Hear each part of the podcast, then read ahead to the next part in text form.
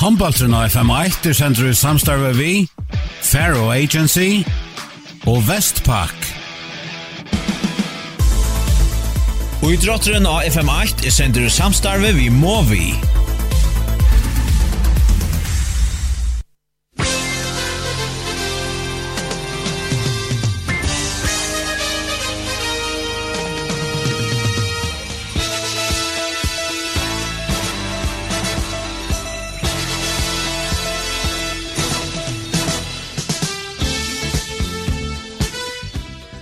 God kvöld og velkommen til Beinleis Humboldts frasøkn her av FM1.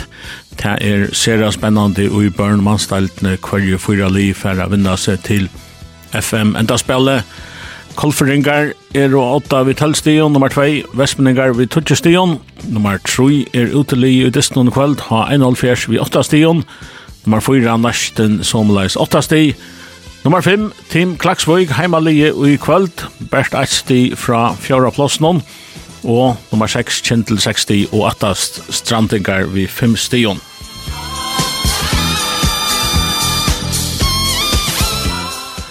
Og i badmintonhøllene og i Klaksvøg, her har vi Sjur Hildarsson Høydal og Sjurur. Det er alltid jant og spennende ta Team Klaksvøg spiller vidt. Våna da samme kveld. Ja, det er alltid, og Och så räknar jag dock arbetar låter Jeg vet känna som att här pura garantera. Vi där pura så garantera spänning ta till en klacksjuk spiller. för det tunna här Ongen særlig mån av det som talar spela om det så er koppar henda vinn eller hinvinn. Tog verre fyrir klaksjusingar. Så hevet av koppa skaiva vegin. Der er hans og trutja dystnar. Her, der heva tapt vi 1-2 Malon. Han skal lukka for nurskytten fra, han, det gjør faktisk ikke på en av veien. Heina Bjerst, her blir jeg sinte strilte, og om til norsk har vi mye kvöld, ta en av det som ikke var så spennende, og tar gestner her i Høyvøk i Klaksvøyt her, som vi kom ned til Klaksvøyt her, vann og sjående, hei vann og sjående ikke at att det ska vara mer spännande än det är och som Sean tar vi vär. Och i höjvåg sätten tar sig till sin linje hittist. Ta en ett nästa team Klaxuk är vinna distet. Ta är det mest som koppa av distet pura på Sjöngån. Och att det känns i halvt få minuter. Och det här var första landskapsdyster som Tim Klaxvik nära när vunnit i Höjvik. Det var första dyster här hade vunnit. Det var första dyster som Det Eller annar dyster i Sören Tim Klaxvik som hade vunnit i Höjvik så Här är en stor söva av Böntsson av Lägerstånden i det. Det är först mest det här som vant är till kanske inte ordna fullmannar i domarsen. Här är det tre plus att det är som är vi och tvart här är Malbergar vi kan ta linjen som det är men um, ja, la kan ta la kan ta klackskingarna först. Här så att det är Jakob Johansen och David Henrikmen i Malmö. Jakob Johansen för Randy Hamskär. Hans Arne Thomsen och och tror det där Thomas Simonsen, Valentino Valentinkovic. Vuxte barn med Michel där fick en snott och i sista stövnet har KF ända vi har vunnit här på en och Klaxvik i vikskift någon. Så Lotvik Sunnarsson. Wilhelm Wilhelmsen samlar Chadra för Jan Eli Ragnarsson. Samuel Djuros, Samuel Jakob Djuros, Jan Jakobsen og Jens Paul Mår. Så fyrir Heinan Fjers, så er det der Torstein Siversen, unge Boajan Malvergen, og så Unujan Lochu Malvergen Paul Jakobsen, til Tarbar som er ikke noe Ardam i det som er suttet dem. Så det Svein Rålasson, Peter Thomsen, Jon Rowe, Mår Høgnesen, Ragnar Karlsson, Sætjer, Søndarsson Frøydal, Emil Svolgård, Niklas Hansarsson, Janus Damdjurus, Rowe Elefsen og Kibagødder, Roger Siskason, Peter Krog, Boy Hansen, Hans Kari Hansen og Ole Mittun. Ole Mittun som jag lägger som det som ikke kanske høtte Lars han känna och i ungdomshåndboltet fikk han kanskje känna ta i försko og Ajanlandslige vann tvärtistra av norska og Ajanlandslige Ole Mittun så jag sätter det för första og och överhöver greit bäste med over av Vøtlund. båda Dianar. Tin klax blir vi på någon till vill man kör runt från högra och just krossar out av en sam han kör shot runt så back och drar rimmar rimmar skott från Samalia chatta flöte but the striker upp i målet när han kommer runt av vänstra back och skjuter att i mål och skorar Vinser med en Palle Jakobsen i målen. Har han fjärde alloppe. 1-0 till till Klax och vi tar spalt i knappa minut. Här Rowe Schieber går till spel. Han kör alla med en jökten och så rätt ett. Gång gröda kött där där spalt i en minut den här. 1-1. Rowe Schieber går till och samlar chatta flöte i kursen i målet. Tashin fra kjøtt fram etter. Valentino, oppe i kjøtta, blokker fire, så ender han tja, han fjerseren omvis, Paul Jakobsen i malen, og slær han ut at det spil, Roger Siskosson fra Fedron atter. Nå hadde det kvar kjøtt her, han fjerseren, og Klaksjen slog ganske skunda seg sin dratter. Valentino, han grønna døde, ja, der på ja. Roger Kjipa gøyde spel. Eh Tersen vinner tja, han fjers, är Paul Jakobsen i mål Janus Jurus av vänstra. Vanja av vänstra backe Roger Kjipa gøyde, och Mine Roger Siskason og högra bakke Peter Krog og högra vanke Peter Thomsen inn i strikten Niklas Hansarsson. Og over ser at uh, Angen Pauli mitt om, så pratt det då så ikke helt det. Men Inge Broren Ole, først fer nærkande av listan i Vaksamann håndbolten. Peter Krog, han er av listan i det, og han Vi syns etchen noe støylig høttra sender så fra han opp fra høyre bakke, skjøter vi høyre hånd, og bøtter søker bant opp under Ilajern og inn. 2-1 til Hagen Fjers, vokste vann ved Kinvin, så er 2-2. 2-2. Och i mitten har han fjärs och till Klaxvik här och i Klaxvik Roger Siskason för bollen Frans. så finner Peter här går plats i mitt fyra finner strikna bollen laser. Och för ändrar han Klaxvingar på han Klaxvingar på han Klaxvingar ändrar bollen så Pelle kör fram och vinner med kom fri av Peter Sanz och Peter Kjolver. och så blir han kantar när Gekko så in i Malta igen och han utvisning alltid utvisning till Peter Krog Wilhelm Wilhelmsen för Jökten Peter Chamber och så sent in och förar honom och lägger honom brottskast til Team Klaksvik. 2-2 i middel Heimfjørs Team Klaksvik. Vi har best spalt i 2 minutter og 6 sekund. Tig ikke videre rugande for. Og til kunne vi mest som best feknast om. Brottskast vokste Vanovic mot Paul Jakobsen. Vokste etter han så trygt og i nede. Om er fighter at vera rett, så er Anna Male Tjavuk. Nasjø Samala Tjaltafletter som Esten skårer 1. Bok hever 2, så igjen for Heinefjers og Peter Krok vi 1, og var det Roi Ashibagødde vi 1. Ole Mytten kommer inn og ferdig by og i beste mannstadning just nu, og nå broren vantar i håpen hon. Jeg har ikke fratt hva skulle være av oss her. Jag då förra om det bra här och det just mot Roa Kibegud jag finner sig att han vill läsa nå fram i men här nej han vill inte läsa frukast bäst frukast bäst så ett näst Verjan tja til Klaksvøk av fora fyra. Her er det Heine Fersen i Alibi. Ole Mytten Kipa spiller. Roger Siskason. Vi ser en høglig. Eisen Wadja spiller. Så, og spelar. spiller. Og Nudja spiller. Dette så. Roger Kipa gøtt. Ulja ung bakkjøtt her til Heine Fersen. Roger skjuter, men David Henningman bjergar Latlia. Så får jeg ta hinvein. Klaksingar bulten sin leiser til å få han atter. Og Samal skårer til 4-2. Samal og Tjalta flytter til 4-2 til Tinn Klaksvøk. Hepna lutsen under klaksingen her til Bøltren kommer fram etter. Fra min ut av høyre vonk, og Heimskjern få stekka bølten, men så enda med en stakka leser en her som Samuel og Fystra, han er ikke øyelig arbeidsa for etter bølten, og så øker han til 4-2 til Team Klaksvik. Vi har spalt i 30 minutter og 40 sekund. Har Heina fjerser Jalope. Altså, tvei li som pressar saman her igjen. Øyelig er tatt der kapping om fjärde platsen som Sean Ishberg akkurat fyra nivåer. Men långt nu så jag vet att ha rörliga tatt och flera skifter händer och i favoritlag låt hon hesa senaste vikna. Nästan tog sig längt längt fram. VFS när kom liksom fram vi efter. KF och Hanfjärs störst om synar favoritlag låt det här vi ja. Och så till Klaxvik fått det center. Nya femte plats. Men David Henningman till med som kan föra fram att nu Bjärgar han tar Rowan Schibbe skjuter ett skott mitt fyra. Go go Bjärgar från David Henningman. Vuxte vann ikke ødekjøtt himmelen, Om man högra grann Wilhelm i Jøknen, Pauli Jakobsen Bjergar, Pauli Jakobsen Bjergar. Pauli Jakobsen vid Bjergjeng, sjøen for klaksinger Det är färre med Aron Kottlo i uh, klaksingsvergene, Och till Niklas Hansson, uh, som er strikt den Heinanfjers, Fjärs och halte klaksinger sig Jens Pallemor, Jens Pallemor uh, er fort där. Niklas är hör kjamter, och ta ändar faktiskt vi att Jens Paul och Niklas alltid, ja? Vi har vistra völl. Er det galt? Nei, Niklas var ikke vistra völl. Klaksing var vistra völl her i, um, i uh, Vergestøvå. Og det er altså fire akkur som minner om uh, fyrst, ganske at han har gjort sånn ekkur avgjørende støv, altså tvaktsid og så. Jeg vet ikke om det tætar seg, ja, nå skal jeg ansa mer. Men uh, i ødelopphøringen er at vi halvdelt er fyrir kjaftastil simpelthen, at han er ånøyt vi at vi ikke fett en grøvsing til han fyrir Så, Brottliga har en fjärs i uttalstöven. Nu har han kanske kommit med läge att kombinatorer det ständer att vi får två vid spalt knappar 5 minuter. Roger blir uppe hänger ut av vänstra vank igen och syrs plats för Jöknen. Go over så först jävla för att en klaxvik har han för en röna på Romat.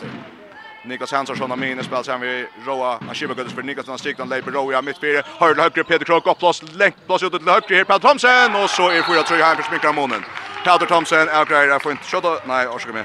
Outgrejer en fina i vitalstövet så har han fjärs. Och Peter Thomsen skåra skjøtt fyrsta mål i dag. 4-3 til Tim Klaksvik, vi har spalt i 5 minutter og 1-25 sekund.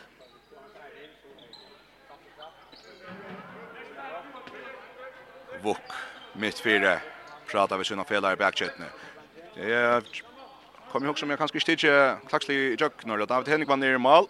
Så uh, vinstra vange er Thomas Simonsen, og vinstra bakke Valentino Valentakovic, og mine vokste vanvitch, og høyre bakke samla tjadra flette. Nå lever det faktisk av her, Valentino lever, nei, bøtten leser så fredag, kjøtt fram etter, Heimskjern der, pura fri frier og tøtt mal, og så er 4-4, Niklas Hansson, avgreier. Her så åhøpne støvna fra Tink Laksvøk til Jan Leik, her har han fjers Janar. 4-4, Niklas Hansson. Jeg har hørt at... Uh, blev sen under vi att Lee Jack. Vi drar annan. David Henning man Malcha, Tim Clarkson ut i akkurat nåt tar i omtastöva och är Albe. Thomas Simonsson vänstra vänster Valentino van Mikovic vänstra backe vuxte van med Amina och högra backe Samuel Chadrofletti och högra vänster Wilhelm Wilhelmsen. I nästa strikt just nu Hans Arne Thomsen. Annars är Jens Palle Morberg i nästa strikt här. Han har utvisning till lötten. Her vi Vukka, inna bjør av, så inn mot minne fra venstre. Rønner finna hans herna, etta sikje, så er det Kjallås møllage, her tømt mal, Da kasta hentet fram etter, og Vukka midten, han detter til Peter, og så er tømt mal korsene, og så skårer Hajan Fjers, 3-4 rea, og så er 5-4, og Hajan Fjers kommer fram om at han har til klaks, og etter så kommer han fram om 4-2, så er nå 5-4 til ha Einholt Fjers her i klaksen. Vi tar bare spalt i 6 minutter og 45 sekunder. så Lestan kan sakta skifte en. og ta Jeren helst øl ofte igjen.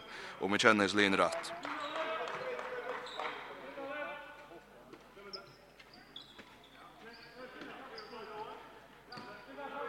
klaxing att ju alla bet hyggins dem stilt i här runt oss nu är det fullmanna här har Malvern inne men tar som säger ju alla som har över nu har det att stigna att det kommer här Sverige fyra Jens Paul och offrar sitt bult med som inte halt om ute har jag en färd shot upp hem gram mer till klaxet där kommer köra kött av han försöker då Roa 20 till Drog Skyskason utav vänster vanker Jens Tamjuro så allt Störbjärging Störbjärging från David och i team Klaxviks Malmö Oj, Libjarjink. Och så frätar himme. Vuxtevanovic in i mål. Vi tacklar för fest och vi tacklar för nast. Nira golvet han och Peter Krok lända golvet och så frukas till Tim Klaxvik. 5-4 till Heinan Fjärs, men David Hennigman, han kom igen, kanske kommer karskomnar här för Tim Klaxvik. Att han har att Verjan och Paul och i Heinan Fjärs mål och Monti Hava stäcka en 4-5 senast Tim Klaxvik var upp någon. Så är det nästan nu David Hennigman att Jeva Tim Klaxvik möjliga lyckas om. Komma sen igång där. Vuk Stevanovic mitt fyrir Kjemi Valentino, krossa vi så kjemi han Perbat ner mitt av. Krossa han Sama, Sama upp mitt fyrir. Atle Vuk, nekko til vinstra, vinstra backi, innom så kjemi etter. Så røyna Voa fjóls Elvering, og alt og Voa Mitchell. Og så fyrir Heimstrand fram etter, der slipper ikke kjøtt til Dette faktisk er Malvering, Pauli Jaksen, vi taklar Atri Ås, så her henger Sinter, sin der. Ja, alt er noa kom Atri, takk Shingar. Peter Krog klär bra korsnä så är där just kommer att i värsta Roger ska stanna vinstra batch in i stick det öjlig öjlig det Jens Palamor och Niklas Hansson och så ska också hända här och är Ta får simpelthen noe avtale i alltid. En, en liten peitfinger alltid vi råper da. En liten peitfinger. Er for det at her bare er jo Jeg kallar meg det til i håndball til. Hodna tøkken, det altså. Mynte mest, man glömmer det just nu. Men til kanskje nekka kom vanta. Det er fysikk og power her. Vi klakser i kvall, det er i ofta 8 minutter fjørs kom færen, 5-4 til Heim, fjørs Heim, Sjall og Peder Krog, drev fra høyre innan Mina. Stepp om han missar bøtten, skifter Rogg, skal sånn sveite seg etter bøtten, och så kommer hinner hon till Hjalpar. Hade Jorska henta kött här till Heim fjørs, kvender. Tackar där Rolles, kommer han till domaren upp där, brukt en Alvring, tvär Alvring, mitt fyra, Rogg, Sysksson, mitt fyra, Trudge Alvring, fyra Alvring, Peder Krog, han får bara hänga, och ett rymmar skott från Peder Krog, 6-4 till Heim fjørs, Peter Krog, vi Ojliga samförande bakskott här. Vi högre hand och högra backe. Vuxte Vanovic in i måte. Krata Samuel. Samuel på kjolen enkelt fra Paul Jakobsen. Ikke står tjoblagen her, Jens Paul. Oj, Paul Jakobsen tveit seg bulten. Og så kjolen spiller Jatter. Jens Dam, Pura Fry, Jens Jurus. Og så er tjej fyra til på Einar fjärd. Strövan som henter händer här. Tejer. Bulten. Um, Very start laser i Maltain tja han fyrir halta til enda faktisk vidar Bjarginger. Og så er uh, Jens Paul fyrst fernet til bulten og tar på sliv bulten sin til leisa. Og så endar han vi enda upp joksta man versa Thomas kjøpt en klaksøk som er om å få fædra bulten men så kjem Paul Jackson flickar nu leisa luft og slær bulten til han Og så satt alle klaksøkene etter i en rundt at uh, vinna bulten og mangla at i verne og her Puro opp tja han fyrst fernet jøkken. Her er tjei fyra til ha 1.5 etter vi da spalt og vi kan montavera går 8 minutter. Eh, Sinde Tropol løta tja til en klaksvinn nå, for ja, for jeg sier det helt mildt. Her er Troplar nå, er Paul Jackson kommer sinde gang, helt særlig støv her fra honom. Marsjøttal ned her, vi skriver så, at her fyra tja um, til en klaksvinn til saman Kjaldrafett vid Tveimon, og uh, Vokste Vanovic vid Tveimon. Sjøen her, Pelle Thomsen vid mån. Janos Damtjuros skorer seg fyrsta her. Sjøen Niklas Hansson vid Einon, Roe Ellersen og Skibagøt i 1, og Peter Krog 2. Tjej fyra till, Hainan och i Klaxvik. Din Klaxvik heter Tistam Altar, det man vi har lukka förstod där. Håndballtrun av FM1 er sender ut samstarve vi, Faro Agency og Vestpak. Og idrotteren av FM1 er sender ut samstarve vi Movi. Så er vi datter i Klaksvøygar, Badmintonhøy, Klær, Klaxvikar, som vunno og Hajanfjers i Høyvøk, nå er 8-4-4 kjev, det har spalt i 90 og en halva minutt, halva minutt, halva minutt. Der er jo krøster etter stion til Hugen Stem Strilte, der senest var det trutjar dystnar at her hava tapt etter at det var koppar til herra fire månedene lødom. Så nå leper han, nei, Ørsler leper til Klaksøka i måte i Hansverne. Her er Samuel Jakob Jurus kom inn i backchatten av bollen här i högra. För in mot mig nästa fram väl. Så nej, om man kommer i mitten här så är det bara frukas till din klaxol till Sean det så rätt. Men efter en Heinrich Schweiger som till stöd där gramma bulten någon och det har kostat klaxing och dorst. Där får från Bratan framan för 4-2 och 8 för 24. Heinrich skorar fem mål där. Samuel Jakob in mot här finner Valentino. Och det växer upp Henka och Hese för det Paul Jong kan chans. Ett öde toppskott av vänstra backen från Valentino Valentakovic och så är Shea 5 till Klaxin Minkarmonen. Väl sett upp av Klaxingon. Ut av vänster här. Roger Siskason att romse. Janus inte plats i Jökis Hajan fjärs. Och så ständer Klaxin Klaxin för Jansten. Har han tacka affären av bulten de skulle dra in åter. Det var första mål av Valentino men Olja Väkors uppe Henka och boi etter blokkene fettla, og Paul Jakobsen må velja seg søgna med som, og så langer han iver i hina søgna. 25 til Hamfjers, Hamfjers i alle bjatter, Hamfjers i kontroll, Peter Krok oppe at spela mot der, Roa Kibogad inn, Røynena, Frek Allen Grud av Vanchen, en klaksing kjør mittlen, men enda vi en hotna kastet til Heinanfjers. Men det er ikke som at hun er batten neka, klaksesverden etter Tamate, 25 frammeis til Heinanfjers, vi har spalt i 1-0 nå, godt spelen av strikene, og øyne vel skåret av Niklas i Hansson sinne.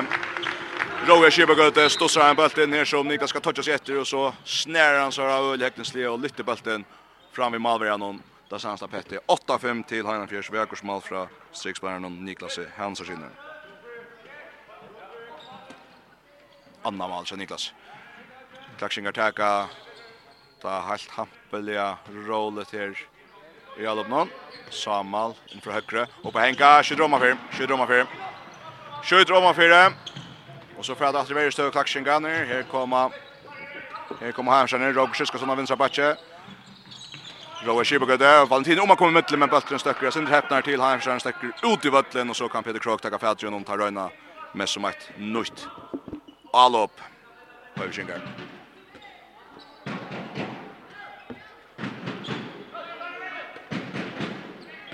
Åtta fem till Heinan Fjärs. Heinan Fjärs börjar väl bättre här att när Klaxen Garber kan skapa första minuten är bättre. Och nu är det så öliga väl efter ett otroligt väl spalt av alla broer Shiva går jag Amine.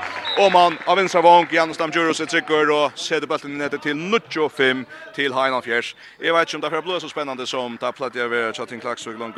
Men vi måste minnas till här var det att vi kvar det Shemal mot VF och tant det ända är bäst vi är normalt och har det alla möjliga att kappa det alla vägen också. Samman Chaldraft ut mitt fyra. Finner Valentin upp och hänga av Jörn Samman. Där ska han nästan Samman Jakob in mot Samuel Chaldraft flytte och Skottet sitter åt Men Paul Jakobsen nere och Atran Bjergjeng i Hammerslevnen. Roger Siskason bulten fram. Arbetar från vänstra backen. Atran omser väl ut till Janos och Janos Djuro sätter att Väkors Väkors mål från Heinafjärs. Och så ett 25 till Heinafjärs. Janos, Dam, Djuros vid tvärmån, Shod och Malon.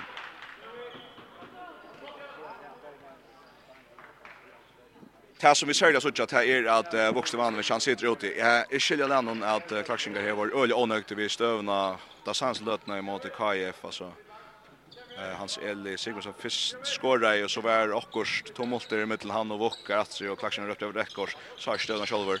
Kameran fänkar faktiskt inte att han har strömmisnä. Eh men han häver så haft en spex så en trupp och lika Eriason ja han han så bro av benen.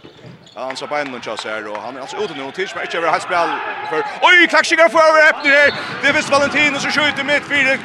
Paul Jakobsen här i största stor trubbel när Bjerga bulten sticker ut och Jens Paul Moore han touchar sig också efter bulten och Ja, han känner vill jag vara öle samfört det här runda samfört att domaren om att att Jens Paul ska vara innanför och tar stäcker med som spelar Jens Paul han strujer som i vet inte vad han fattar bulten och så skorar han. Väl så Vi har sista Jens Paula Mår som med landa åtte synlåt och i Chatting Klaxvik och i Höjbuk tar vi han sente.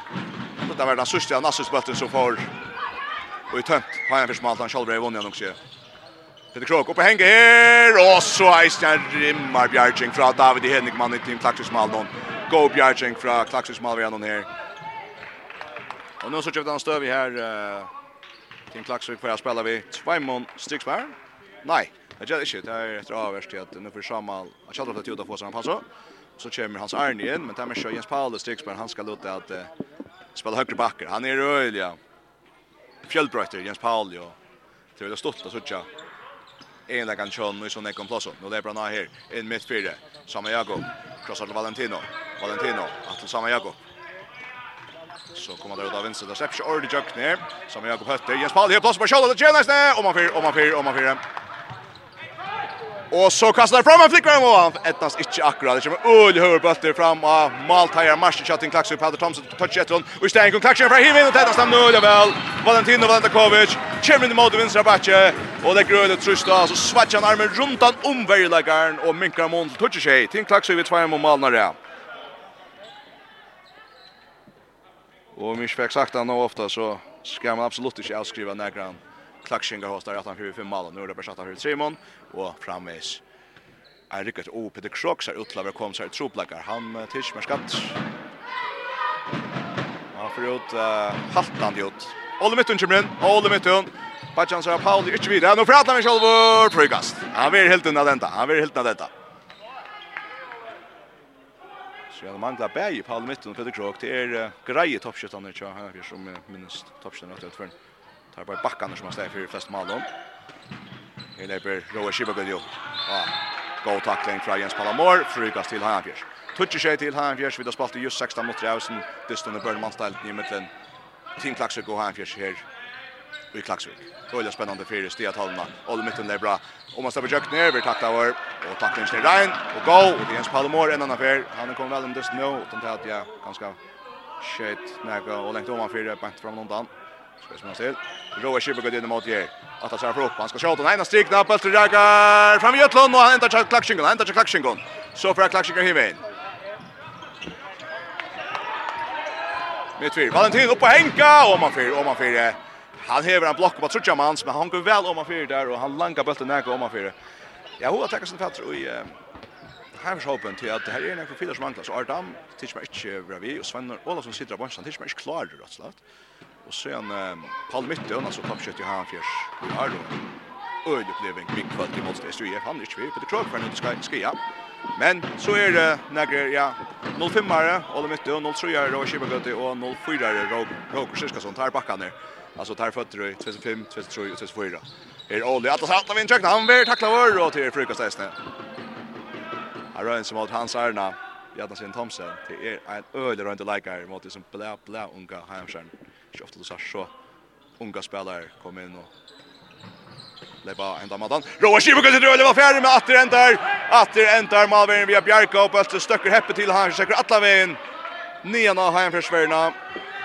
Nian och Heims halvna ska det säga och här Olle Mitten nere av utan ska det vara i värsta och han kan bara tjacka in av bollen att Sanna bollen in. Sanna bollen upp ska det säga. Roger Siskason spelar Olle under så innan strikna och bollen sitter i rätt och klaxig fram, klaxig fram. Team Klaxvik för fram efter. Nu kunde Minkan ner två mål Mone. Och tar Geda väl här i vänstre och gott mål från Thomas Simonsen. Och så är det två mål Mone och Klaxvik är i gå och i åter.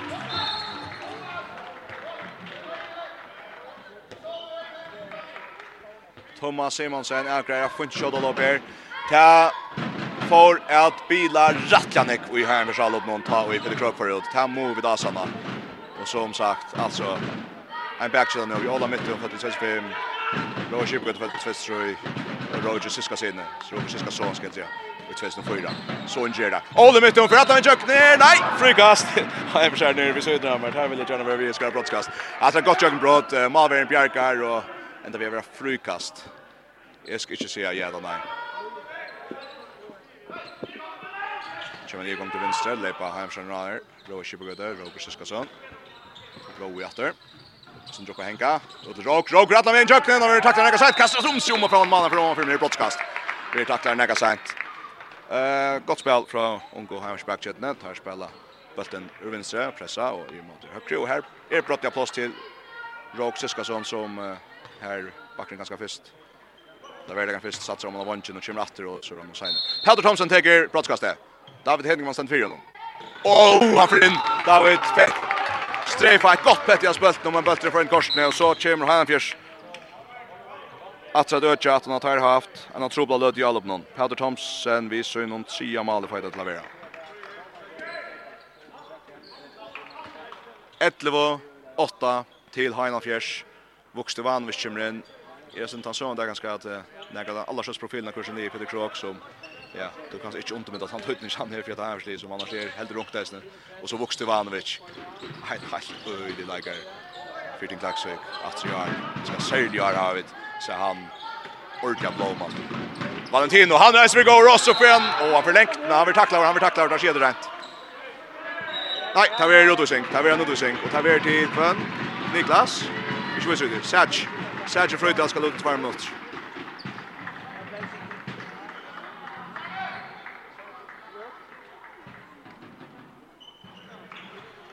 Utvisning til Sætjer Frøydal Tja har en av fjers og så er Heimsky undertallet og i tvær minutter. Vi tar touch mot etter leika av fyrre halvleikje. Her er 11 8 til til Klaksvøk. Nei, og så til Hajan Fjers, til Klaksjø i Jallope. Men, så minkar til Klaksjø Øle Valomon, og atter Øle vel skårer av Thomas Simonsen. Godt mal fra Thomas Simonsen. Anna mal til hånden i dag også.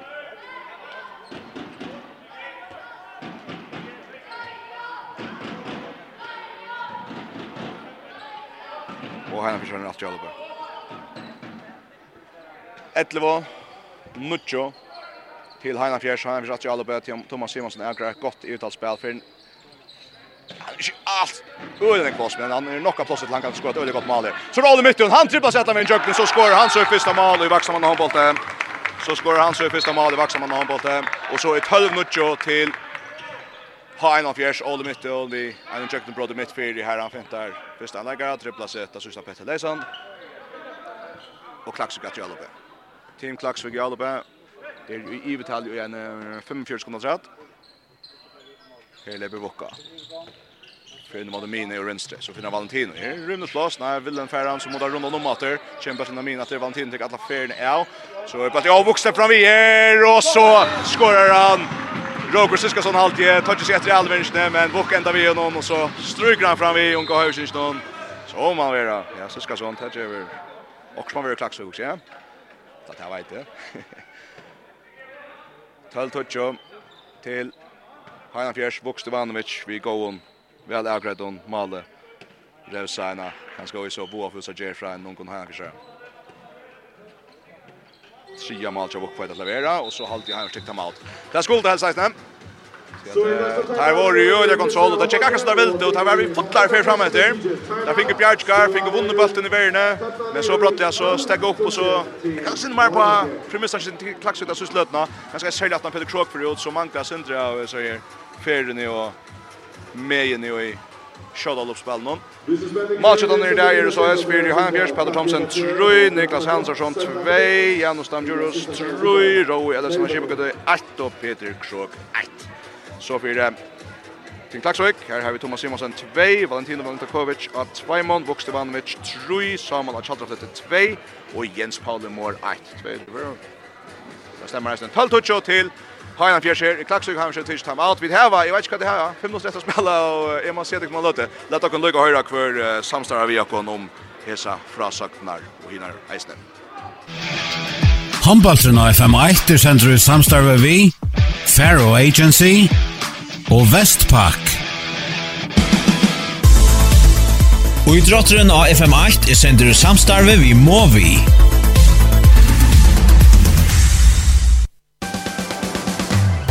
Jola Mavrin, eit hun nega godt a bjóa? Ja, Nei, men følja bjór hevor.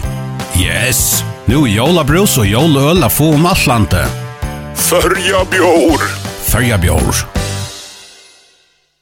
Så er vi datter i Klaksvika badminton her, Hainan Fjersi, Albi Heinan Fjersi, Tås om Tinsne, til 12-touchet til Heinan Fjersi, måte til Klaksvika, alle midten, det er bra her, finner på det krok, han kommer inn natters, foran Kjota, og David Bjergar, Klaksvika får bøltet, Klaksvika får bøltet, David Bjergar bøltet, stakker ut av Jens Pallemor, enda en ferie, han grammer sett bøltet og vinner han, og så kunne Klaksvika fra fram, og minka nere i et malamone, vokste vannet fra høyre bætsje, innan Bjergar, og så skjuter han, og bare stakk fram i Øtlån, her skal være frukast, ja frukast dömmer där. Frukast till Klaxvik. Vi har syns i vackra kvön vi om att ta packa mot hotnakast, men det här var det Moini Eis var galen ner och inte Anna. Vi kan inte inte höra vi har rosa Damar så vill det fint här. Det gör ju allt. Klaxvik gratis Albus. Han Jakob Jakobus Shiba spela. Valentino utgärna lötte. Jens Palmora vänstra backen nu. Spelar med smarta ställ. med Chamine. Samma Jakob högra backe. Bokhum sin pass bollen läser klack och har han få han. Så tvärdar fram ett rör lite bollen Niklas är framför hans palla. Så för själv Niklas Det är en fantastisk mål från Niklas Jansson sinne. Han vill krossa dem in ända vi lite självfläter fram med Rommel och så tvärdar tvärnar bollen Romsio om han firmar vi i mål. Och så kontra kött TV. Visst Niklas Jansson som vi gör i mål så Jens Palmor. Han får upp och hänga och langa bollen i nätet. Det var han som är kross Niklas Och så öl i stövna som han Ja, Six Bench här försöker löst lösta uppa. Aj nu lämnar man ner. Hattar vi dagsens detalj att Hives i sjö för alla vikna allt i hästen. Så är det här på chocken det. Vi plejer chosa dagsens detalj. Plejer vi det just innan för att köra för. Och en podcast som heter Tråkpot. Han framför vi leta av Spotify döms Tråkpot FO. Eller Tråkpot FO ska söka Lursta. Her er Heims at Jalbi alle mittel vi gjør nu er går håndball til her i klassiska Batten høyt fra Bavon. Holvon. Alle mittel vi rimmar, rimmar skåtet. Unge Schengren. 16 år gammal og gjør ødeskott. Anna mal til Olle där. Så Det er ikke vekk netta med mal til Olle Janne. Sen har Janne Jens Paula ved sin öron. male. Niklas Hansson skår så tria just för just. Fantastisk handboll där. Det er för en fantastisk mål. Det är väl stum man ser alltid det. Det låter lett å att det är ikke noe verja. Men då? der är til inte vad står. Her er... Här är Jens Paul i Alba. krossar til venstre, Samma Jakob. Boja Sinter, Var vänster Jens Pauli Alupen, Högre. Vuxte Valnes. oppe skjuta Paul Jakobsen bjergar i hernsmannen, og Petri Kjøs med Jakob Banavien. Fredar nye ned, Erbelge, og midten mitten inn, teker mot bøtten og midten av Vettlån. Helt presser fram etter mot Peter Krog. Peter han leiser, og strymmer skåd atter. Og det er godt Kanske inte så harsh som vi det vänner så känns vi mer vel placerat att Han stryker i jökten, skorar sig tre mål. Får ut vi något som inte man skia i Janne. Men tills det var något lunda burger. Finns en nox, ja. Han får urat att ju förbinda sig fick om lärare. Men inte förskriver. Det visst. Vuxtevanovic till vänster här, Jens Palmor mitt fyra och han rullar Kildegård här alltid. Han drar bara sina backar, vi må att ju vötten som en byrjom alltid. För att det är där så när vi värna knappt 5 minuter efter för att hålla sig 11-15, altså 15-11 til Heinan Fjers her, Udeli i Klaxvik. Team Klaksvøk, Røyner, Team Klaxvik. Han har haft synd strilt i all upp må vi si, ja. Heinan Sveinan steg rätt og stint, och så vid isen där chans för det som Charles tja Heinan Fjers. At her er Adjokser Bitja, så vi minns till Robocop. Sista måte rammen. Och så har det så Paul Jakobsen som ger så ut eka Det är fint skott allt jag Vad sjön för skora för skytte var det Jens Paul Men går Björk från Jens Paule så har han pura fri hem in Peter Thomsen. efter väl. Oj, Butterfish. Jo, han får in. Han för in. Bøtte stakk i det Jarni i Galvi ut och i vi man inne det kjent dommeren ser att han är inne. 16-1 till Peter Thomsen skorar här här er Mark Nalan. Koppa akkurat in om Malinjena tja Tink Klaksvik. Jag har aldrig man att Oliver nu. Tar är alltså utan uh, Palometton tar helt helt stor spelare här till Jar har vi för här kanske det mot nästa någon och det mot ja till klax grund över och så är ju här han vet ölt upplevelse och är toppskytte. Och nu gång guys helt galt klax grund här nu för att hiva in. Hemma skär ner Pelton så vi crushar ner against Palmore där så för att det ta två bollar nu har vi grund över och tar vi ett tryckas han fjärs. Här var det fullvis i här Hansen får att fram till en puråpnad chans, men det ettnas onkurs väckna är det att här bara Samal och Jens, Samal Jakob och Jens Paul som är kommer att det få stäcka först jättet. Det är alltid en frukaste. Där styrs den och til er Kjøy och knött för en på om att tar här man vid att det vi till Jesus nå. Hansen skiftar ut av strykner, Ragnar Karlsson kommer in och lötta. Niklas Hansson färsar en stäck. Hade han färsält? Nej, han är okej. Okay. All i mitten, Rowe Schippergötter och Peter Kroker i backchatten till Heina Fjers. All i mitten, åter till Rowe her. Ole etter mitt fyra. Öl ökar in i måte, men går värja. Atter händer Heimskärn her, så färdar Rönda kommer tjøkken högre så gör etnast ikke. Ole i mitten Rönda åter sönder vänstra backar så inn i måte mitt fire. Atter Rowe Schippergötter Rönda fram i det første första Ole All i uppblås ut av Vinstre, hönka. enda och kväcknar ut. Jens Dam skal trippla sette med Eisen, og da och det enda vi har vært, Rönda gott allopp. Tidsvart till vildare ut men det er det kanske slett ikke, det er ganske mer kreativt av Hanna Bjørsarnon. Sejan Etve Janus Dam Juros er akkurat et allop her. Jeg er heldig at Tink Laksesveien sa godt ut. Da finke henter og Hansen alla tøyna, men Hansen etnast vi at flyta bølten, vujare og enda vi at Janus Juros kan skåra sutt mal nummer 4. Samstundes, ja, Leber Vukkoa. Roa Kibok i halde enda vi taklingen her. Ganske fela vi Peter Krog. Frykast til Heinanfjers. Det er tids mer som at Tim Klaksvik fer at hava tro men vi må minna oss til at detta skal man omgående se om hesa männen och vana det kommer det något distant där sig vana til at vi vant alltid spennende start til Klaksvik just nu. Och för Bukum shot han fer fram vi, han fer fram vi og nu Etta synder några som inte hända för till Klaksvik kommer komma in eller det. Her må skåra og på hesa chansen ut för Raka Mal. Så fri vi jo med Paul Jakobsen kan man i fär. Han ska fjädra mer än de flesta flesta men Det var, jeg minner vel, av har greit skått. Tøktes meg ikke var så gale, men det stryker godt etter frem i malen og trommalet. Hajan Fjärs att Jalope här bärs håller andra mot efter för hålla ju här eller Sejan ett till Hajan Fjärs Hajan uppe då chip går cross på det krok han drar ner till på släsan helt nog så längt och nog så långt och är frukast. Inte mer där. Vi har alltid sett det efter travel linjen för goldkors ja.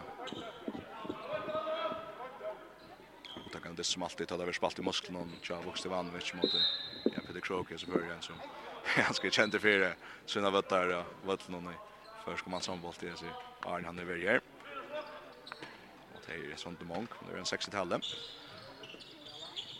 och det kör för oss där Det klokka var shota og det er å gå med at det skottet så hardt at Bjergjim fra David ender helt at Jamini og her er sin første så det ender vi en nødvendig anløp til Heimfjers.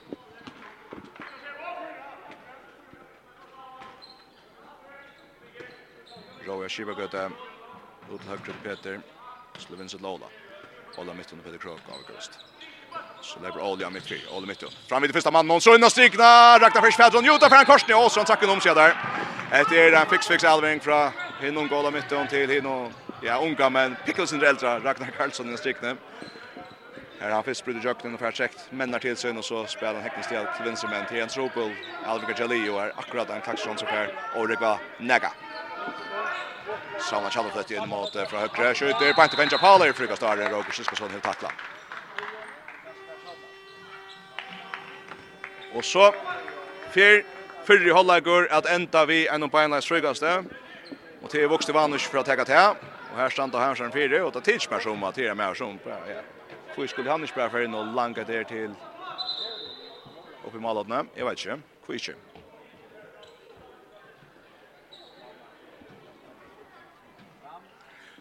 Ett rätt så får jag faktiskt tacka som om vi spigaren av Strömminsten till Sven och Jostein Nilsson som vi tar prata vid annars. Bättre för nästa gång för Och vi kan så stäffa sig att här är Sejan 11 till Heinan Fjärs. Og Klaksviks leie må være synder som... jag vet inte det är kanske inte gott. Jag hade faktiskt för bara kanna hur så läge är i Klaksvik, och Jordan den vi hvis Svein Rekva er den, som annars jeg kan vimmelde, lort efter at strømmingsene tar til Klaksvik spiller. Så det vet det det så gott att han låter. hur ser taxokänslan från nu? Det är bedrövligt. Tror jag att vi klarar jag komma in och att det är distan och ta vart två mål av månaden men så så där bro som ja alltså inte är förlat. Det det manglar simpelt heller inte jag vet inte det system disciplin och men man kör höjvökning kredit alltså en mot en att här få Tim Klaxmännar till att leta 5 kronor i Vetlund går över. Det gör det. Akkurat, hur ser vanna för att man får lite se? Alltså nu eh, stod det sin väg till sista spalt mot VF här och nu kommer man att runt att komma att jag där. Så vi hoppas själva att det alltid det bästa. Det är inte som att uh, halda vid Crystal Palace som har varit omgång vad det händer. Så det vill ha chansen än. Men eh, varje matchen så halda Tim Klaxus ska standa mer flatt och inte för ut att renna efter översynen och man själv får jag för att tracka ut så är det femte i det. Det blir det. Akkurat. Några Arvik, du vill tacka Fatrøy, några Lager Arvik, du vill tacka Fatrøy här till. Ja, alltså som hade varit höjvisingan alltså allt tror jag backan som har varit inne i höjvisingan.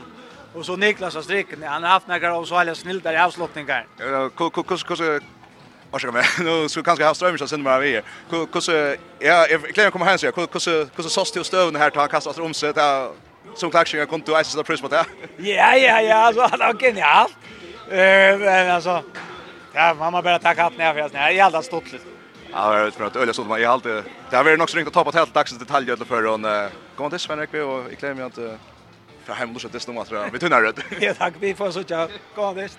Därför så jag har från Svenrik att han att vi det lite när här, Eh, tackar kött och matchen när halt jag skjödar nu glunta Thomas Simonsen för till klax 2 mål, Valentino Veldikovic 2 mål, Vukstevan och Vish 3 mål, Samuel Chalter till 2 mål, Jens Paul Moore 2 mål, Pader Thomsen 4 mål, Niklas Hansson 3 mål, Janos Dam Juros 4 mål. Rowe Ellison Shibgo det har vi ett mål Peter Krog 3 mål och mitten mot fått 2 mål och Michel Sky var i minst att från 2 mål. Eh vet inte om jag minns han bättre hinner. Jo, Klaxvik kan er det rattur samantanningene, og det er alltid eisen høysingene er nå, og det mitt og en tveimann, ja. Seidjan etter til Hagnafjers, men som akkurat går vi inn og sier just nå, det var en stor måned, og det ble spennende i måte VF, og skal ikke si, vi, vi var noe, det var spennende hjertet, vi tar oss vi sett noe som man har løtt. Handballtrena FM1 er sender i samstarve vi, Faro Agency og Vestpak. Og i drotteren av FM8 er sender samstarve vi Movi. er velkomna til Klakskar Patnotan Høll her Heina Fjers og Tim Klaksvik Presta saman i Burndeldene Men det er ikke så godt inn under fyr heimali Om de lorsta vis i fyrre ikke, Så fink det jo å vite at uh, som var 16-11 til Heina Fjers Og nå vi bærs spalt i Holland nåt Så er 18-11 Men nå er det 16-12 Fyrst Peter Krok vi Heina Fjers Vi øler 17 avgredd om Male Och så Thomas Simonsen hinvägen, han rausar att han ska ganska rusa sig när kom hem alltså. Nu har det problem med Cha. Klaxingon tar Sindra och öppnar. Tar på fistekka Peter Krog men så släpper han vidare. Asinti här. En kvar kan få han men det enda så vi har håller mitten för han håller mitten. Unga stöteskott ur Hanna Fjärs. En efter Timon. Skorar så trea mål där. Det är alltså första det så Cha håller mitten och i Vaxholm handboll till om.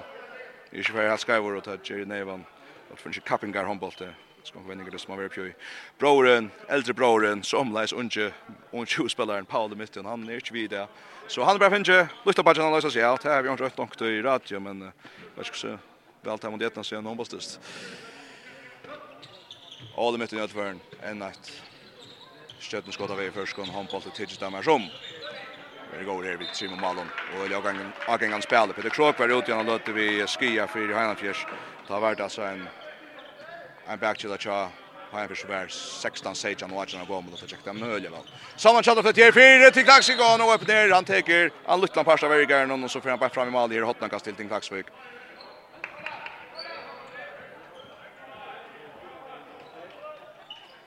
Halv nutjo. Halv nutjo till. Nej, ursäkta mig. Halv nutjo. Nutjo 12. Lech Lutch vet att det strös vi också till faktiskt på Purchammer som inte vill smä vid och bench jag måste matcha där. Nu jant 12 till Hainan Fjärs. Tvär mot tvärna sätten hålla jam.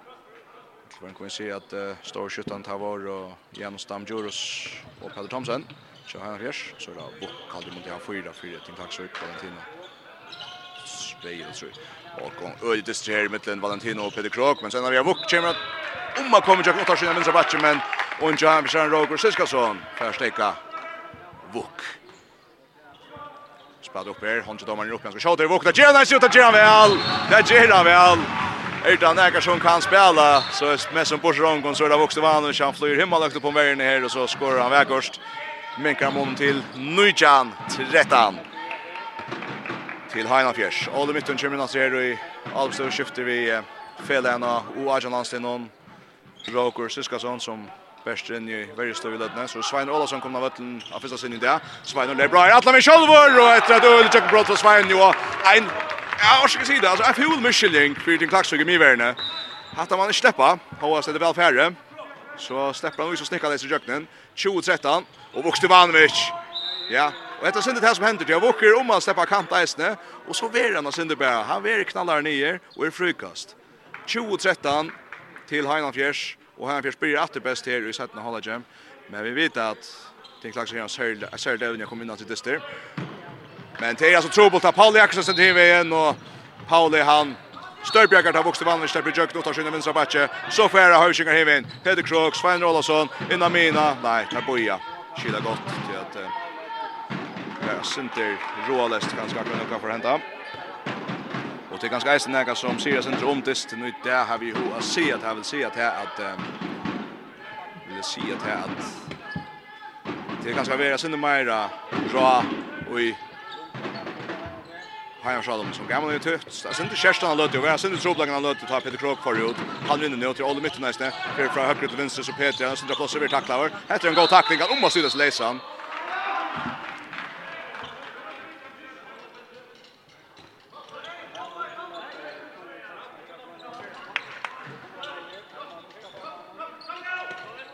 Svein Olavsson! Og i etter kom pura på sronken!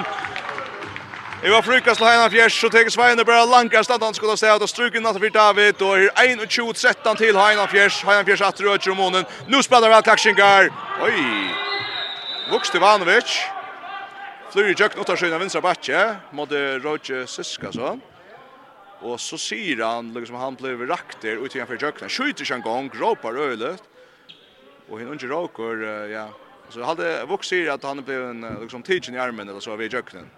Kan ta över. Eh då var han pratade samman. Jag hade jag var ute till rock. Siskason. Så Så frikastast. Det var ju skämt tror jag han så han fri. Eh är Benji Fish för lust att stå någon över inte här. Är Benji för dig. Eh Vox teach mig väl också fröjer så händer också det här att ta räkna annat. att det är inte ikke en øyelig smiter, men han sier klart til han drakter, og jeg vet ikke til at han skjøter eller hva Söra frukast. Men utifrån Ivtas stöva tja till en klaxöj. Tamma våra kanske kommer till här har bruk för att minka kött om månen. Och det är alltid gott över en flyer vettlund. Oj, så väl att tvärflyer vettlund nu. Nei, han slipper en god gorste. Og det er ikke mørk, ikke nøkte vi. Det som hender til Jan Roe Høgnesen tja Heinan Fjers, som uh, spiller sine første fem minutter i det, så han blir sett noen håndlegg. Vers inn i han, uh, fer vi han sparkar bollen och det kostar gott kort. Men så spelar han Kaxinga Jens Paule in och strikna för bättre Våkan. Det pura det sig. Och Jens Paule mår vi gå om alla. 1 och 20 första. 6 minuter. 6 minuter. 6 minuter farner. Då kör du se att det kan få det sönder. Jag styr på tölnet kommer. 1 20 Ja, det här. Schema Lamone 16 farne. Det har nog det jag skulle säga. Lugga mycket. Där spelar handboll åter här i Klaxkar Badminton Hall. Här har vi Alopes Svein Olausson. För han fjärs som alltså är åtta vid schema ner Olle mitten från vänster back in Mina Svein Olausson. Vi tacklar vi att Romsen så spelar till Niklas efter det som hänt i Atlanta. Vi halta klaxingar finns täckt all upp då men så händer det också själv att Romse väl spelar den signa Niklas Hansson kör Leo 22 första till Heinafjärs. Hette Davin Heinafjärs tisdag som hette han där här Heinafjärs ner. Hoast har mangla toppskjutan Paula Mytton med Lanna. Och att amma sig mal någon. Ja, det är totalt där. Nu kommer det pura fri till Klaxvik. Samma chans att det pura läser högra batche. Paula Jakobsen bjärgar mal någon. Och jag vet inte om uh, vi börjar kunna se en tendens till han fjärs att uh, tar vi att komma för sig jag vill säga kan citera Paula Mytton som vi då så pratar vi mycket kväll där för uh, går vik så han säger att hade bruk för en goal average det har finns en katastrofal början på kapgrar. Och nästan nu checkar efter läget. Han måste säga att det tisdag som så är det väldigt stöv till öra troligt att en klack ska få mål. Här har han fjärde alla på nu har han Fjärs Hainan Fjärs är full man här. Så Svein står på hänger här och så är häpte Pulas där vi har rushing natter. Här är Gaston så bättre för sin skinna stöcker och i mål och så för han in. 22-15 Svein Ålason vid römarskottet som är helt häppe. Saman Shadowfett är i gånger helt ska vi nu har alltid Archie Mörsk att ta tillbaka för ett grön gröna kors någon Saman Shadowfett uppe och skjuter men till flera meter fram vi och så för Hörsinger Heaven Peter Krog han är mot en och så smäcker han till på inte av han och om han tar sett ett bort någon så för Wook Heaven så han kanske lucka på att ta tillbaka och så för alla med Shulver Box till Vandovich ta Tamali han outjurd distan vi har vi Han fer dribblade spukst om han i vinstre och här han här kör jag då och så får han in Tek dyste vi han leper i kroppen sin ja och så centrar han bulten fram i Malvern och smekna. 3-25 ett helder skärligt mål från Vuk Stevanovic och han till sig mer så vidare vann vi skjuter särligt mål. Alle mitt under nu kommer ut att uh, innan 5-1 varje. Det stämmer spel. Så första. Åh, det måste åh nej, rymmar all upp Angelio där. Peter Krok, det är just en fall. Peter Krok inom mina tretcha man til, så krossar lalla mitten. Han får på Henke och langa bulten nete. Och då man får så fjärde mål nummer Sverskaiver. 4 och 20 15 till Hajan Fjärsson mål Tim Klaxvik och Ole Mytten 16 år gamle Ole Mytten han är alltså färren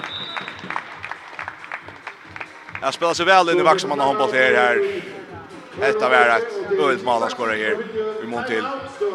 Ja, ölmål till. En fall man tror att Sanford i handbollsspel. Då skulle inte tro det som är över ner. Ja, spelar som första vuxna handboll i här stövne. Så är nog röst Ola. I have två värre. Stopp. Är stopp när är vi måste stoppa på det. måste hålla mig gå här. Jag har rökt av bättre med øyne, noen sikkert lortar vet att jag har haft troplaget vitt du. Fra at stjela derfra som en rekva, eh, som ser från strömmen där det sen lever också. Göta för ner kunde vi bara stäffa sig 4-15 till Highland Fjärs. Nutje mål måne. Och ta gånger ta vägen att den första år, den första skrattet så att ni klack så kan komma fyra. Och Heinan Fjärs tycker stödja samförder och det samförande för jag som inte har att här nu är jag vid upp i jotten av Burn Manstaltne. Till Klaxvik efter fraliga början så stannar nu mot sin fjorda och så grejer det om Kjörskajvård det kan kanskje dobbeltsjekke. Vi har alltså kvar samstarve vi økonomisk her håndballsendingarna som vera resten av åren om. Håndballsen av FM1 er sender ut samstarve vi, Faro Agency og Vestpak. Og i drotteren av FM8 er sender ut samstarve vi Movi. Ja, takk fyrir så er vi datter i Klaksukar, Badminton Høtt, 4 og 20 15. Jeg er i hoa lova dykon, spennande dyster. Det vet jeg ikke om det er, akkurat nå i dag. Det er veldig spennende stedtallene. Tror at uh, her før har jeg først nå at uh, det er just oppe under linjen av VF, av ørenplassen vi tog i stion, om tar vinna altså. Og det er tidsnek som tar å vinna, men om jeg kan uh, Vega som om på Høyversen har løte, så har halte ikke at Høyversen skal selge bjøttene Arne, då kan man säga, sälja kynne i Arne, Bjötten och allt det där. Spelar gammal nu väl här sen. Kan följa vi att uh, Valentino Proppo skorar ett väldigt gott mål. Och så färdar fram ett hövskingar och små med lunch då för dem så spelar bulten vinst om högra vång. Alla vägen tvärs om bulten och så pura frukt Peter Thomsen och så är 25-16 till Hajanfjärs. Valentino på tjata och det är så tulliga säljande istas men han skjutas fram i. Det är inte det här till klaxig här till. Det här var gammal nu Jeg vet ikke om man skal gjøre det godt eller ringt. Vi klakker seg igjen. Der her var 41 minutter etter av dysten. Nå er det 30 halvan. Og til altså... Årsøkka. Der her knappar 20 minutter etter av dysten. Nå er det minutter etter. Men til altså nå er det minutter som kommer til å nega tunger. Til at uh, Ole Mytton Han uh, Finn og i sin mann fintar han, ut ur høttene, flyr i jøgt mitt fire, og så mål. 60-16, tutsi mål av måne.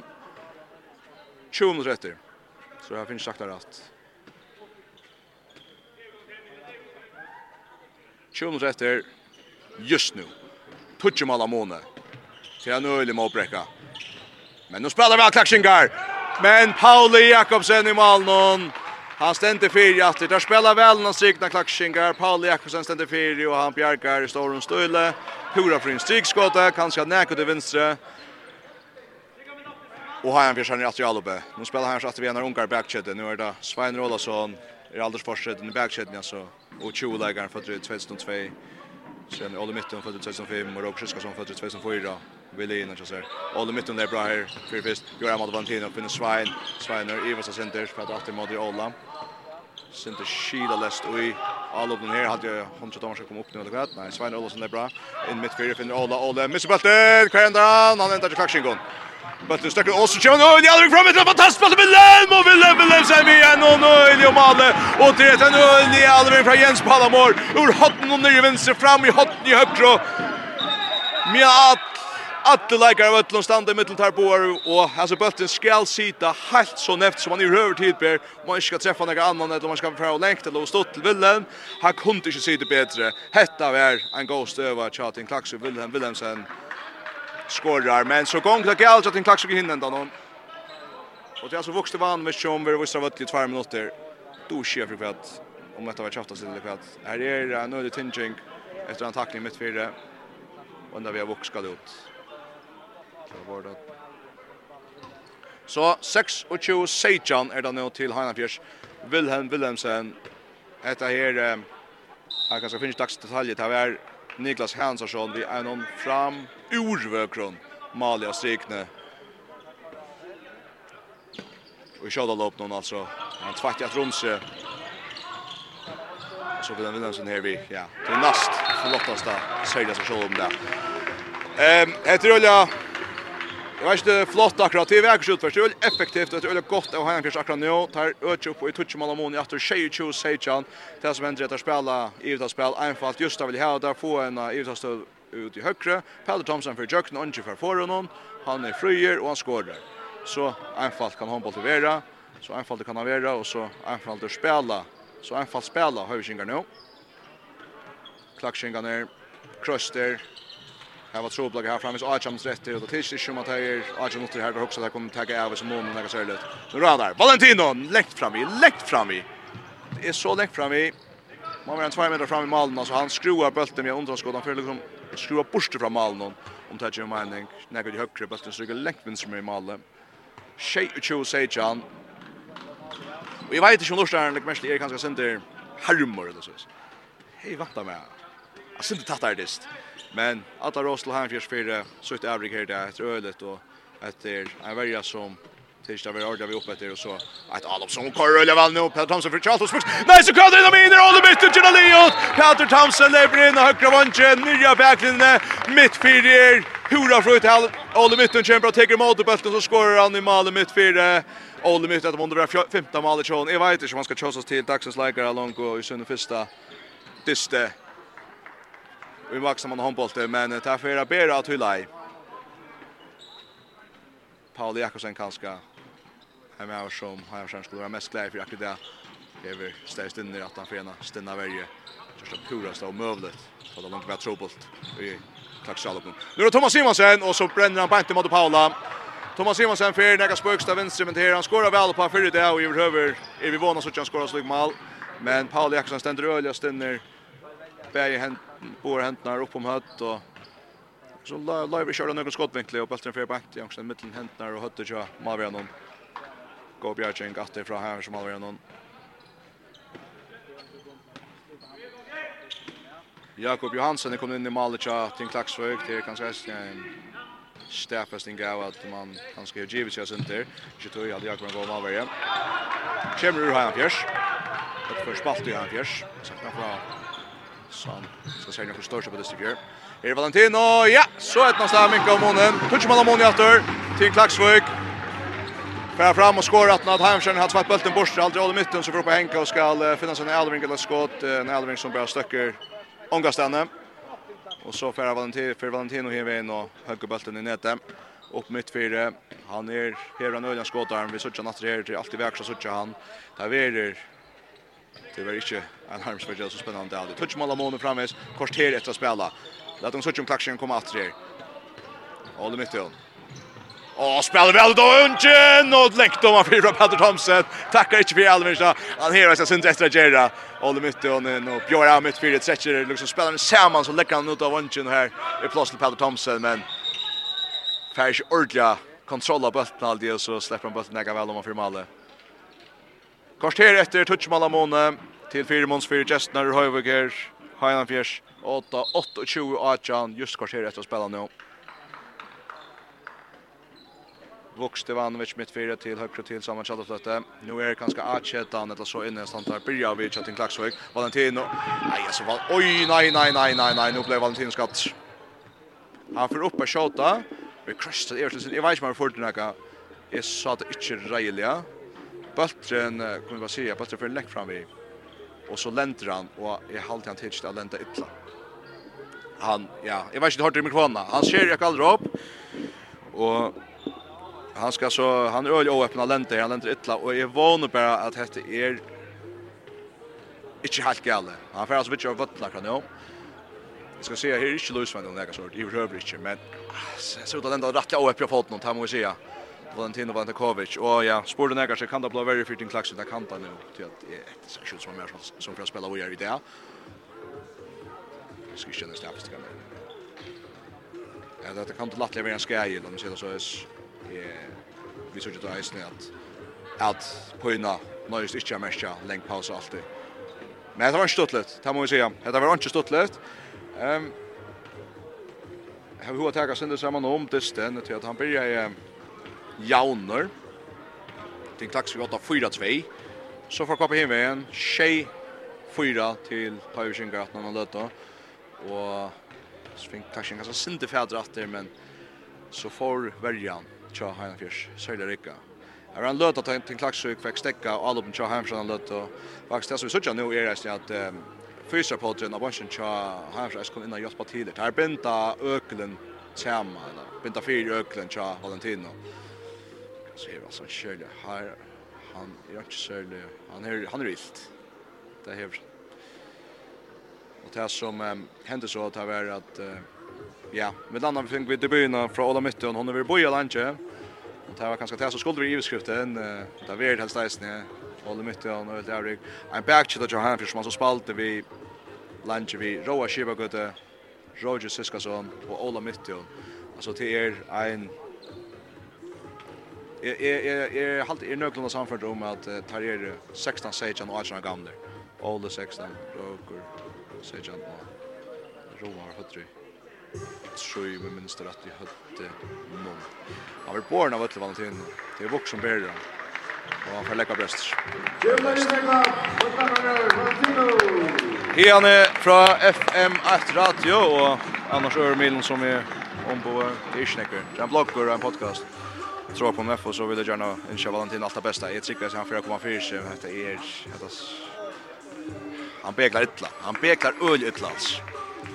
Heimsjön är tar nu inte höra sätta nu Jamens Holmgren til Emil Svolgård, ungdomsvänjaren som kom til landet i sommer alt igjen. Boy Hansen kommer med høyre vång, tre högra vång kvar i det. där. Klaxingar tar setter så sammen Jakob i Natter. Så jag tar vi några skärter. Jag känner mest till att nu kan man Thomas Simonsson spalt väl av vänstra vånchen men Ludvig Sunnarsson är kanske inte väl ödlan. Så att en akondisykler i rötlen som ofta bänder att man hever också strös via man ska göra sin egen frid upp. Och sen ser jag bunch start, jag vet inte vad kommer in. Jakob Johansson kom in i mål. Så jag klackar någonstans och Jakob Johansson är i mål. Thomas Jemansson har vinstra vånche till Rivers så har vinstra backe är som Jakob gjorde oss mitt fjärde så Jens Palmor ut i högre är för att bra mål i Anders. Det är gott spalt för alla mitten att det gånger där ut mot höger på Johansson för bulten skorar eller samförande ur spuskon Nu tror jag att han till Hanna Pierce Boxevan och Schwimmer vi tacklar för först och för näst. Frukas ting tacklar. Framis första mot detta spelet. Det är första tryck med 84 team Klaxvik. Boxevanovic.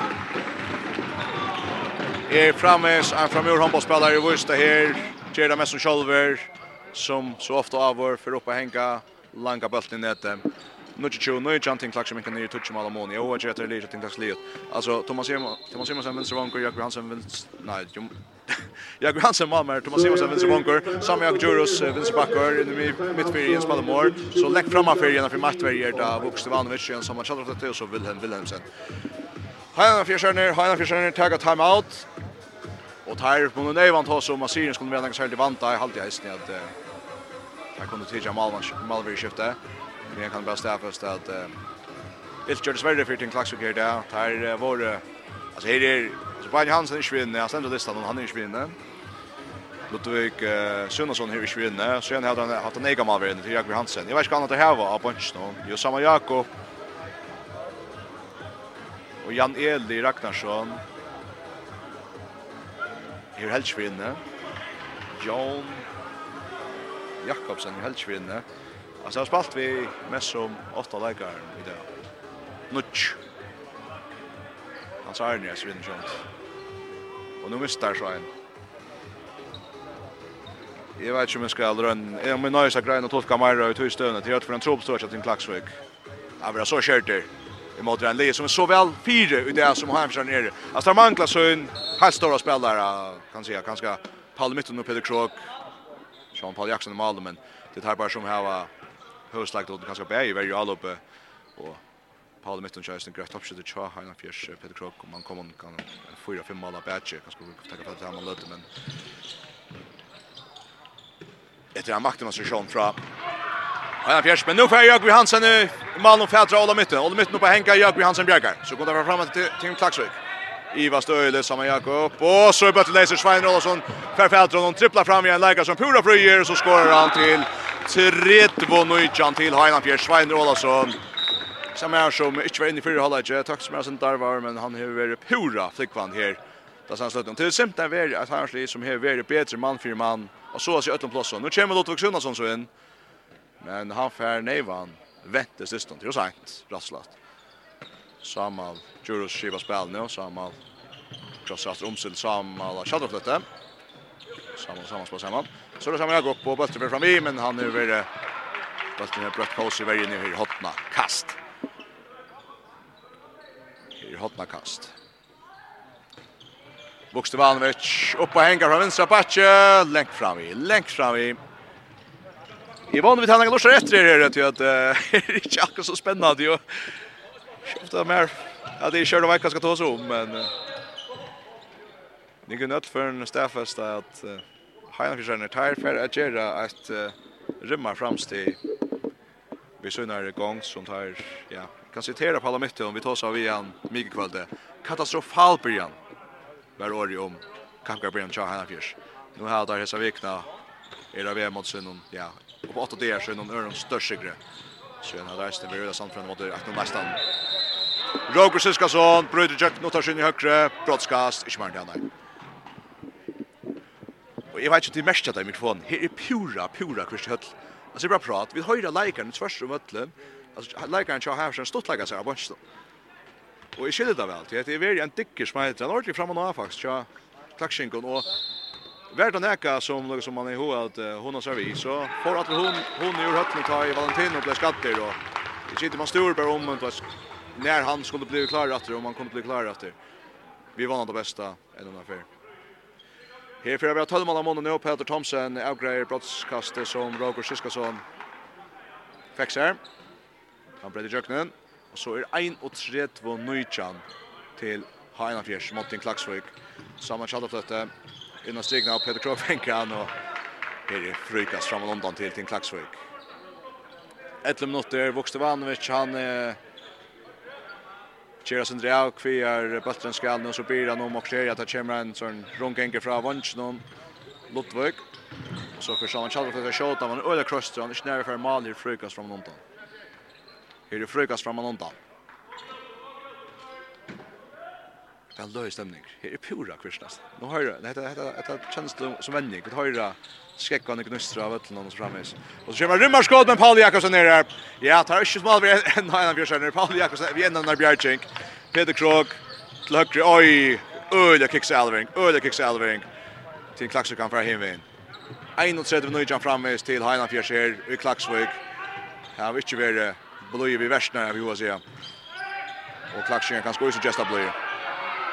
Oj, här halt här. Oj, oj, oj. Jeg kjenner jo meg at uh, frasökten här är sin där uh, Iva som kör i dag, til at uh, jeg har en sån tro for å løse noen støvler. Altså, det som händer til är att uh, klaxingar presser över vel, og så ändå där vi får bulten om en høyre vong, og ta gonger öja. Ja. Det som händer til är att här är stövet mitt fire, her uh, lägger fram da må man trackar inn i vøtlen til han hoa döma dem men her stemte en til, så så så så så så så ser han att spelkar vi är här er om å være åpen chanser. Ta det så så vill de löper in. Så ställer domaren i mål och Och och har färs fritt skott. Ända vi har brottskastet till till Klaxvik och jag hur ser jag hon någonstans går. Det det synd öppe och jag halt det snä att domaren är färdig. ju ser om skylta faktiskt. Ja. Det ska man så nog.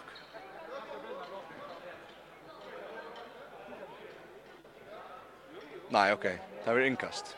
Och sen är ja. Okej, okay, det är brottskast. Eh, uh, ja. Yeah. Jag vill säga att Tui Peter blev inte distrar avgörande. Tui Peter blev inte distrar avgörande. Till att det är länk, länk, länk känner jag gör där.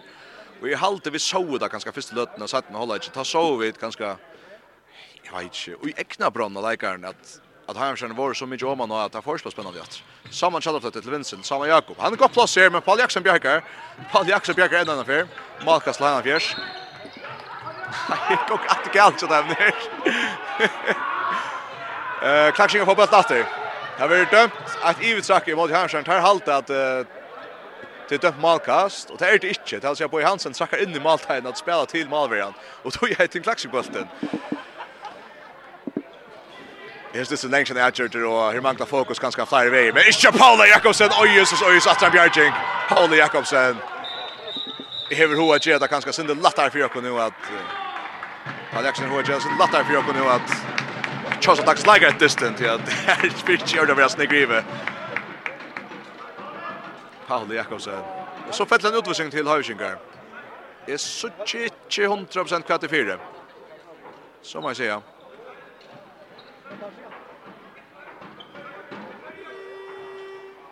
Och så skulle ta damer på nästa prata till Tashuja och Shaban Shams. Här är det ett en öle lögn dyster där och Clutch Lorsan så att jag har haft öde jag tror vi ser från honom då att hans långa lötna mot kanske ta förväntan som jag hejer om tog och tölen och lötte. Eh så efter det är det blev helt lögn. Nu skulle damer tälja mal samman som vi damer på någon. Og til jeg snakker vi at Tadissen har så lån intensitet, og den mest kjenner så rett og slett en vending, og så är det ju nästan trubbelt att hålla skila. Ja, det som onkel Jerk som bra mest att vi är denna utom skift på. Jag hade för förhållan utsynga till att han görs. Och tar man vara Ja, ja, hon umpera. Det är ju en uppgåva att lösa stövna för tyckon som är skjutja. Jag skiljer inte hänt. Det som händer är att vi klaxar eier bulten. Och vi får fällan utvisning. Eh gjort det här. Ja, det gjort det väl. Ta sig höjsingar är det fyra man i Sverige och en malver inne. Det tar Siversen nu. Vet inte Paul Jackson för Judas just nu. Nej. Han ska bara skifta ut. Jag får schakta ner net. Ut av vänstra vinkel Lottvig Sundsson kom jökten och så skorar han. Och ett tryck. Väl spalt. Det väl spalt. 1-3-2-20 til Heina Fjärs. Till Klaxvik minkar att Løyte vet om månen där. Alle midten 20 minutter. Nu är det där. Hans Berg Hansen kommer första sin idé. Right now. Ja, han är så väl och vidare runt oss lägaren. Tja Hammersen här. Ganska av ötlan kanske bara samma Schallerflätter som kan standa hon kull till vi vidjande.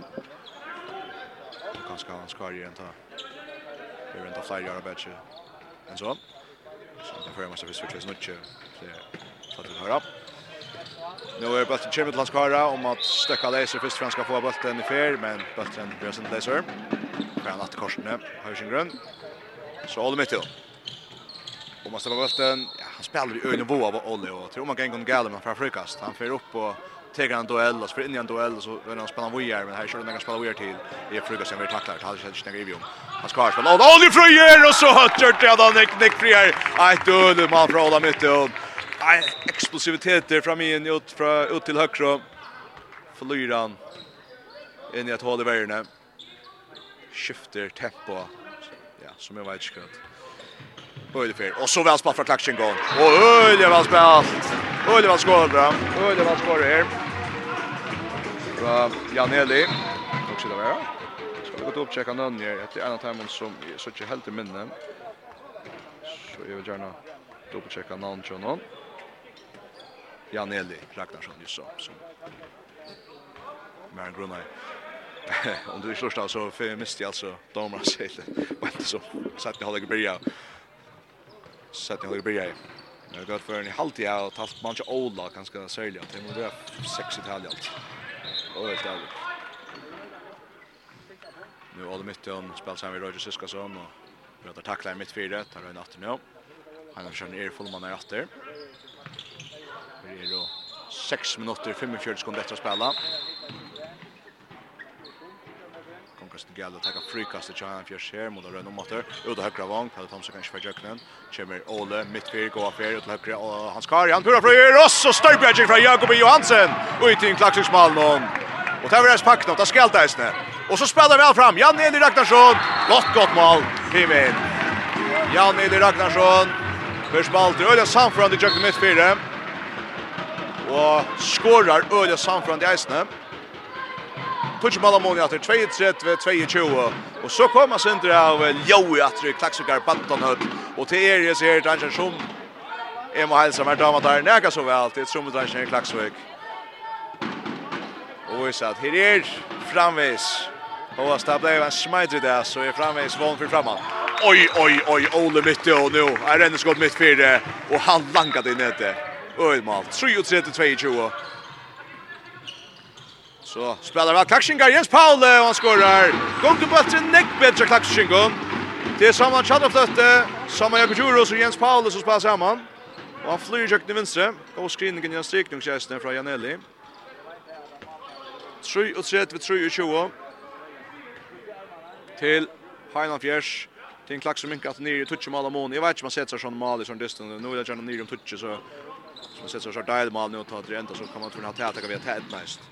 Vet inte att jag näkar mig om men hittar så är det. Robert Siskason han nöjer upp jättelig mål åter och inte Hövsingren säger några gamla Hövsingren uppe på hänga långa bollen på mål åt Jakob Johansson är efter spelt någon men han fer om han fer. Malvern alltså. Han fer bakt i mål åt ska jag säga. Det kan ska Lukas Petja Malvern och nästan. 4 och 3 vid 3 och 20. 4 och 3 vid 3 och 20 til Heinafjers måte Team Klaksvøk. Her kommer Lotto Sjønasson, saman kjallafløtte. Jens Pallemår, Pallemor, saman det, bøtten leiser. Og her. Vinner Heinafjers og så kommer han fra fram at Rødja. Og mangla der har skiftet mann ut der, ja. Kommer Ole Mytten inn. Kjørnansson har lukket avtale, så til avtale vi akkurat vanlige. Ja, kan se och vanliga. Ta vanliga spikaren av Strömminchen då vanliga. Han för en som är spikar Strömminchen chatten klax och gör just öliga gott vill det se. Det är frakta frakta då slätter hon att det är i sig sjö. Det är very shoulder är bara så fick första. Roger ska han göra öliga väl av vattnet nu men det för att oss spikar. Flyr check very now vi tacklar sätter man åt. Samme Jakob Hever, Hala, Høysen, i Gølve, og Roger skåra vel her etter korsene. 4-3-3-3-2, Roger Siskasson ved en god male. Det som er, skal si at det er vidt av Justin vi Svein Rekka, som vi mest av Strøymensen tja Team Klagsvøk, eh, om å takke sammen om testen i Fjella, til å si at vi takke sammen om Bæja Strøymensen og Og her er FM1 etter dyste, men jeg tykker det er ganske sendelig ut her. Man vera, jeg er ikke nek, jeg skulle ha omkjent en klagsvik akkurat, Så det här var ganska stort och så gärna också helt enkelt ganska man allt allt och pratingar samman i den klassiska levnaden efter hända smiten. Ganska helt där hemskärnen som är ju hoa bättre. Nu samlar Charlotte att ja han bryter väl jukt men så räknar han så Ivla Jansson räknar han Ivla Jansson för ett mål och han Fjärs får bollen fram med 35 32 till han Fjärs. Här håller vi fjärde mot rätter. Hollover fjärde mot rätter.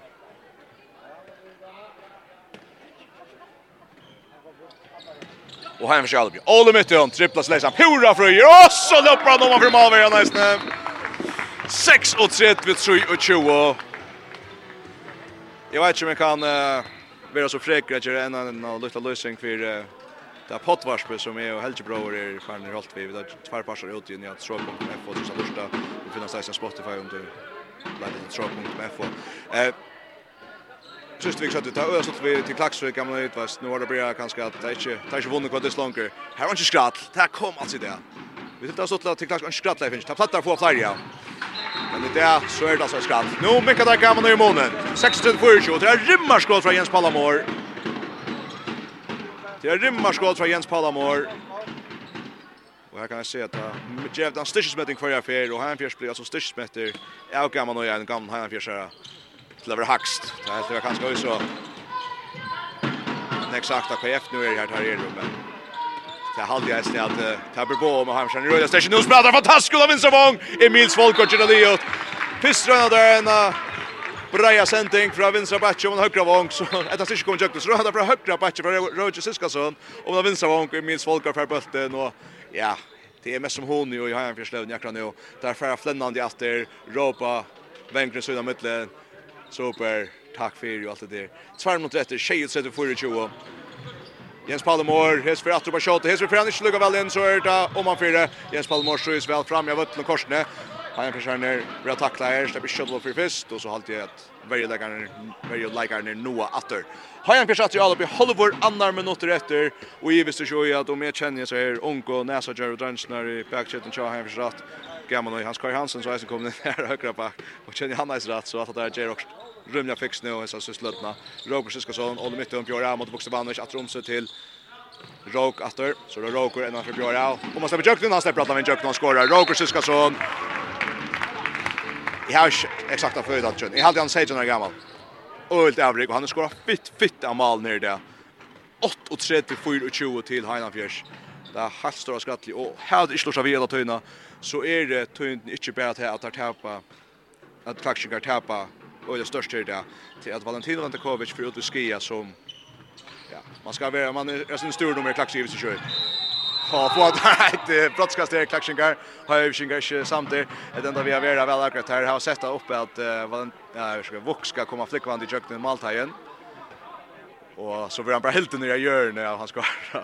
så vill brottskast til att vi Vuk Stevanovic Bant om avgörande för en Astrid Fenche och skorar.